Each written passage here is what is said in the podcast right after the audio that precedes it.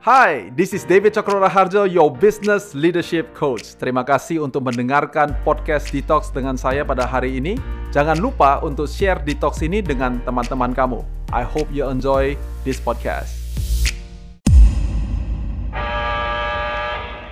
Today I want to talk to you about uh, survival instinct dan ada dua buah film yang saya mau kita ingat-ingat. Uh, if you never watch it, is uh, I think a worthy uh, film yang mungkin, mungkin bisa ditontonin.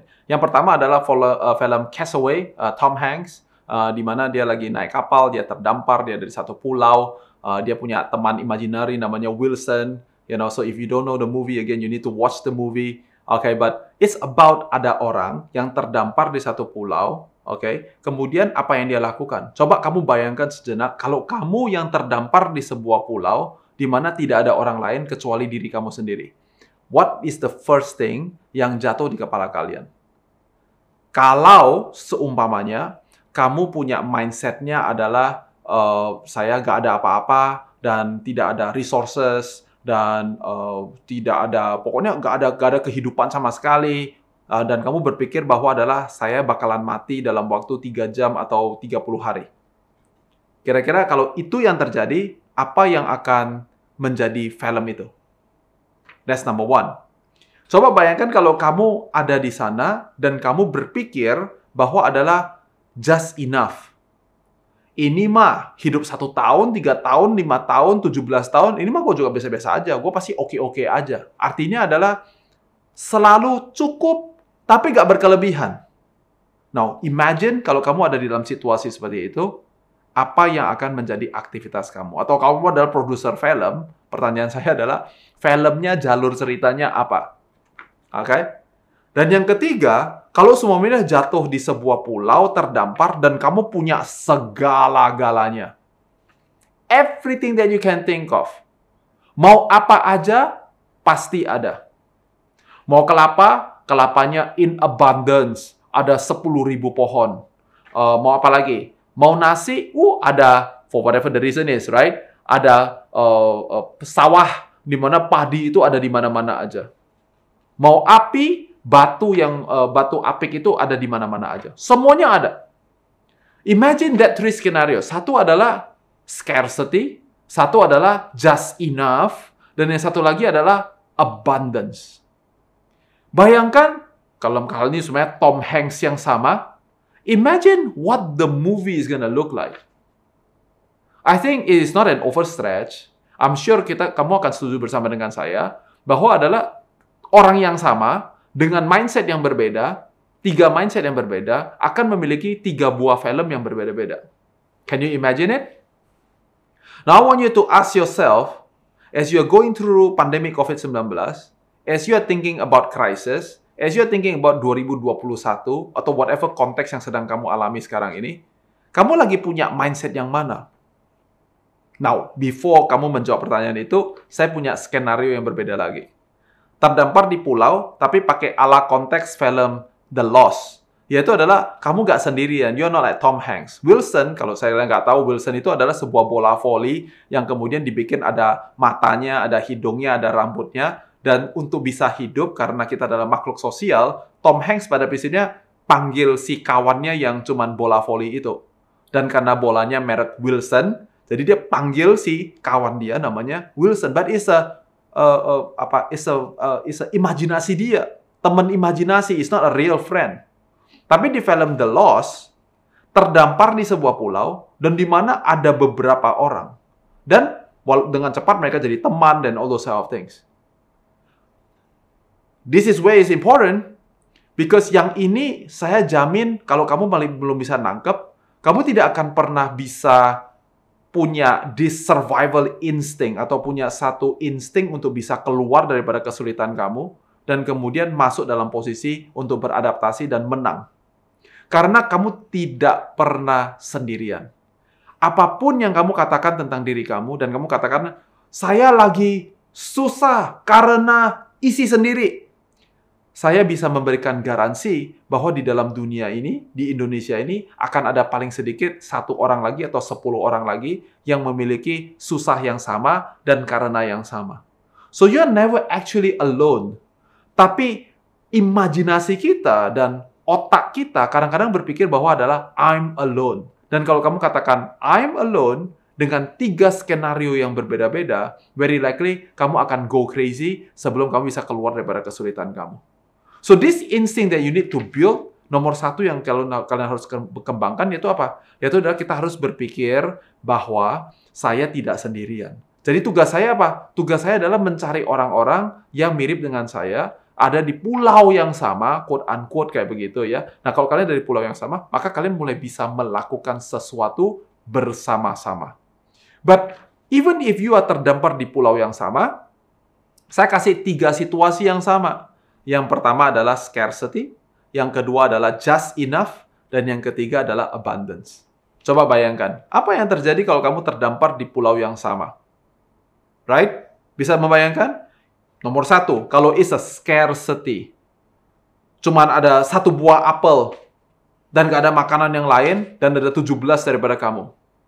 Can you imagine kalau mindset daripada 17 orang itu semuanya adalah scarcity mindset? Tentu mereka akan bunuh-membunuh. Cincang-mencincang. Kenapa? Karena cuman ada satu biji aja. Tapi kalau semuanya mereka bilang adalah just enough, mungkin filosofinya adalah sepanjang lu gak ganggu gua, gua juga gak ganggu lu. Ini garis batasnya. Pokoknya lu hidup di jaraknya lu, gua hidup di jaraknya saya. Dan kita tidak mengganggu satu sama lain, then we are okay. But the moment you come to my place, ah, then we have a problem. Dan yang ketiga tentu kalau abundance. Kalau abundance itu adalah ciri-ciri khas, yaitu bagaimana caranya untuk membangun sebuah komunitas yang sehat mengenali bahwa walaupun kita sama-sama butuh air, sama-sama butuh makanan, butuh protein, butuh ikan atau butuh apa pun itu, walaupun sama-sama butuh, kita menyadari bahwa there is abundance of everything dan kita bisa bekerja sama untuk mengolah, kita bisa create value dan very soon maka akan ada ekonomi yang terbentuk di situ, akan terjadi barter, kemudian akan terjadi uh, culture development and so on and so on and so on and so on. So you see, baik kamu sendirian maupun kamu rame-rame, kata kuncinya ada di sini nih. Mindset. So before you talk about that God power atau fire in the belly untuk bisa melakukan sesuatu, you have to build this mindsetnya terlebih dahulu. Karena kamu pada waktu apa pun, baik sekarang di tahun 2020 maupun nanti di tahun 2021 atau di tahun 2030 atau di tahun 2040, whatever you do, it depends on your worldview. Cara pandang kamu tentang dunia ini. Apakah dunia ini lagi scarce, lagi semuanya lagi kekurangan, atau lagi semuanya lagi just enough, cuman berkecukupan, atau is in abundance? Banyak orang yang selalu bertanya kepada saya, gimana caranya saya bisa dapat opportunity.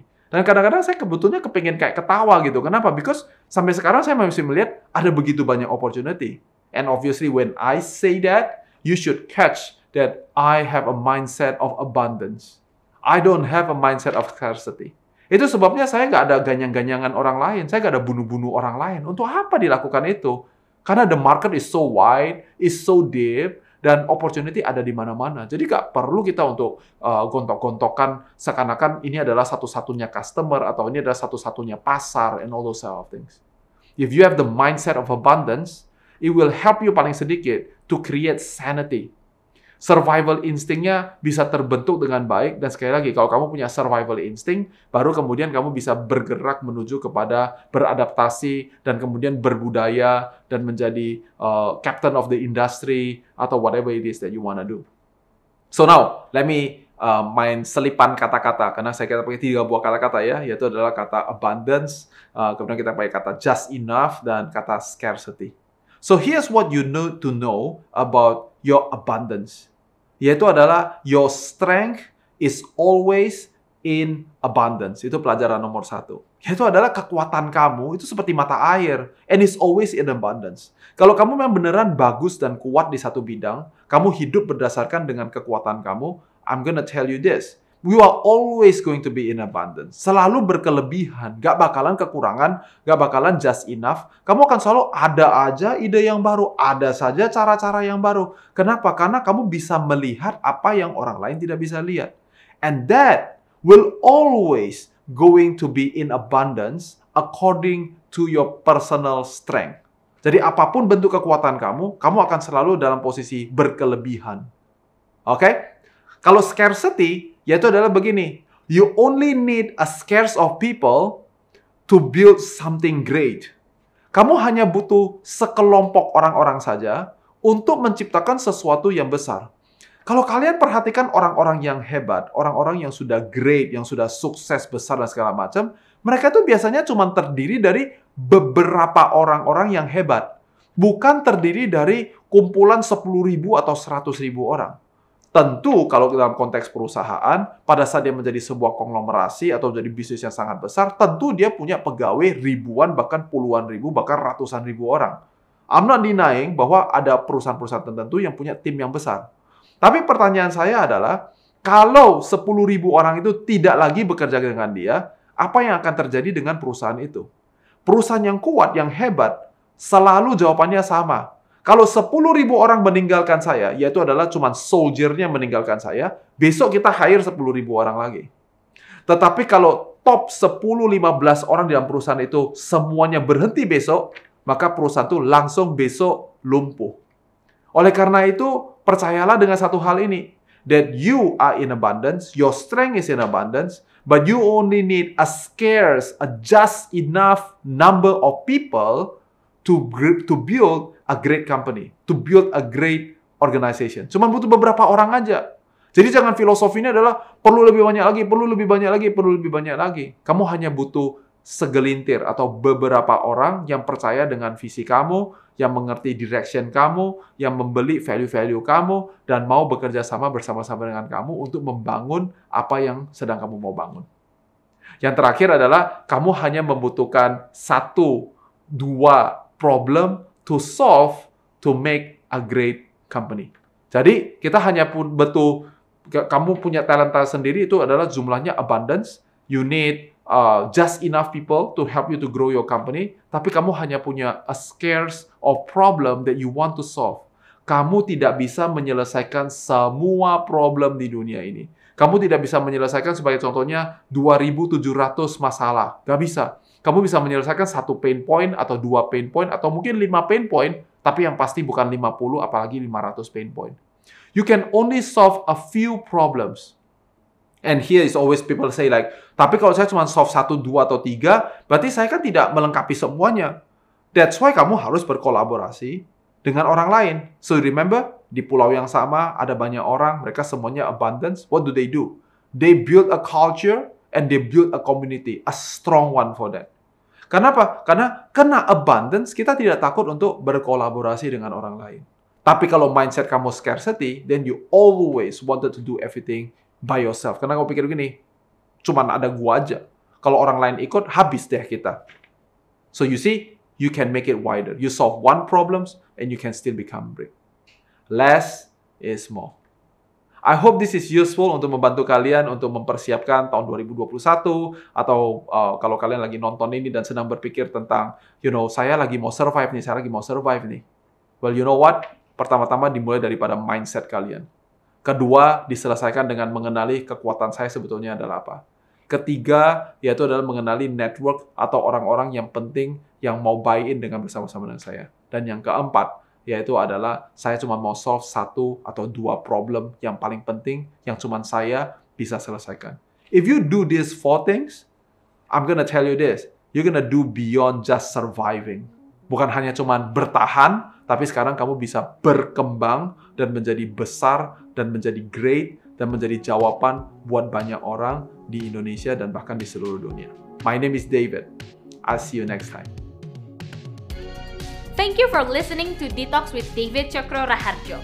Please share this podcast to all social media that you have.